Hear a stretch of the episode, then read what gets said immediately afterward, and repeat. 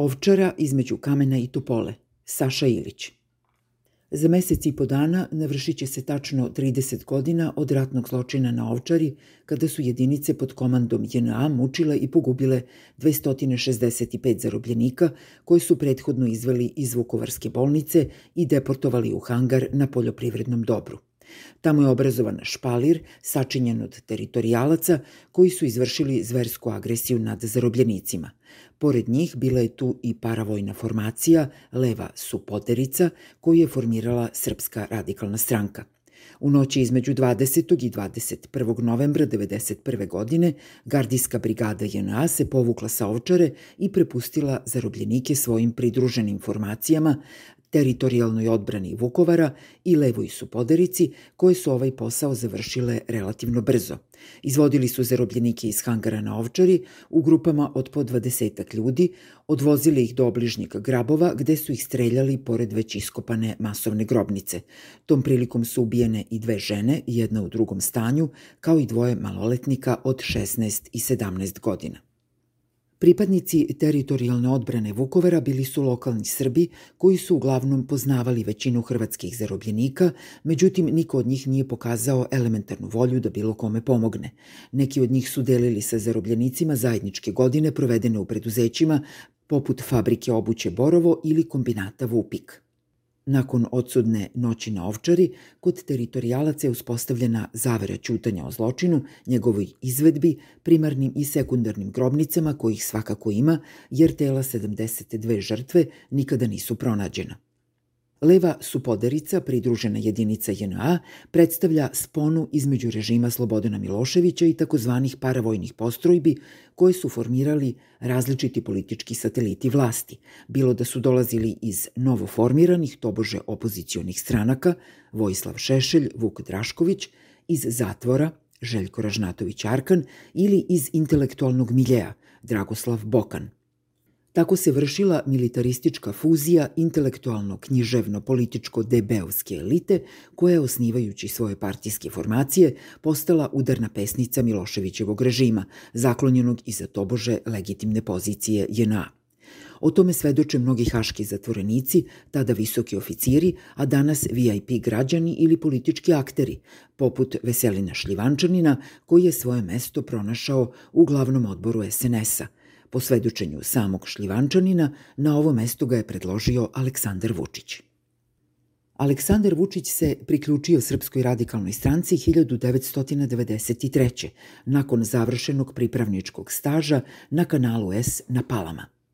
U stranci je brzo napredovao da bi 95. postao njen generalni sekretar – Takođe, usvojio je velikosrpsku ideologiju Vojislava Šešelja, koju je javno zagovarao sa skupštinske govornice tokom narednih 13 godina.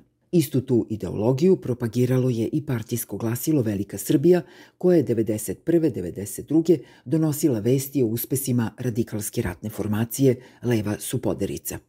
Komandant ove formacije, Milana Lančužanina, zvanog Kameni, Šešelj je zbog ratnih zasluga u Vukovaru proizveo u čin Vojvode tokom 93. Kamen je zvanično bio pod komandom ratnog štaba Srpske radikalne stranke, odnosno Vojislava Šešelja, dok je nezvanično bio pod komandom gardijske brigade JNA i njenih zapovednika Mileta Mrkšića, Miroslava Radića i Veselina Šlivančanina. Kameni i njegovi radikali dobrovoljci nosili su u početku standardne uniforme Jugoslovenske armije da bi je ubrzo zamenili crnim maskirnim uniformama, kape šubarama, a zvezde kokardama. Tokom meseca novembra ova radikalska formacija je proizvela pravu eskalaciju nasilja na teritoriji okupiranog Vukovara, tako da je čak i Lančužanin, prema svedočenjima u Hagu, bio primoran da isključi neke borce iz svog odreda. Takav je bio slučaj jednog pripadnika leve su poderice, koga anali tribunala pamte pod nadimkom Topola, koji je isključen iz odreda jer je organizovao silovanje jedne vukovarke u svom vodu da bi je kasnije bacio u bunar, dok je ispred skladišta veleprometa ubio pet do šest hrvatskih zarobljenika. Topola je dakle isključen, ali je utočište pronašao u drugoj radikalskoj ratnoj formaciji žute ose koja je 92. operisala na teritoriji Zvornika. Suđenje za ratni zločin na Ovčari bilo je prvo pred specijalnim sudom u Beogradu.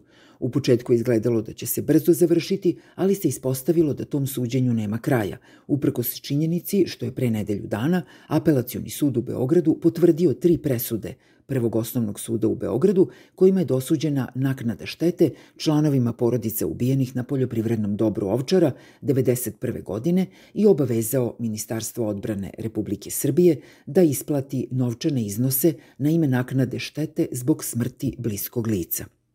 Pravo na ovu, kako se ispostavilo, skoro duplo umanjenu reparaciju od očekivane imaju samo porodice identifikovana 193 lica koja su po imenu i prezimenu navedena u pomenutoj krivičnoj prijavi.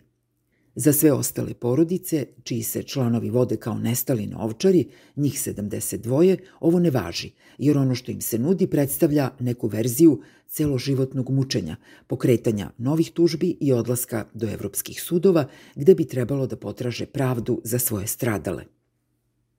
Kratka retrospektiva ratnog zločina na Ovčari u ovom tekstu, njegovih počinilaca, nalogodavaca, pomagača, zaverenika, političkih mentora i potonjih negatora, pokazuje koliko je jaka veza, ne samo simbolička, već i direktna, politička i institucionalna, između izvršitelja ovog ratnog zločina novembra 1991.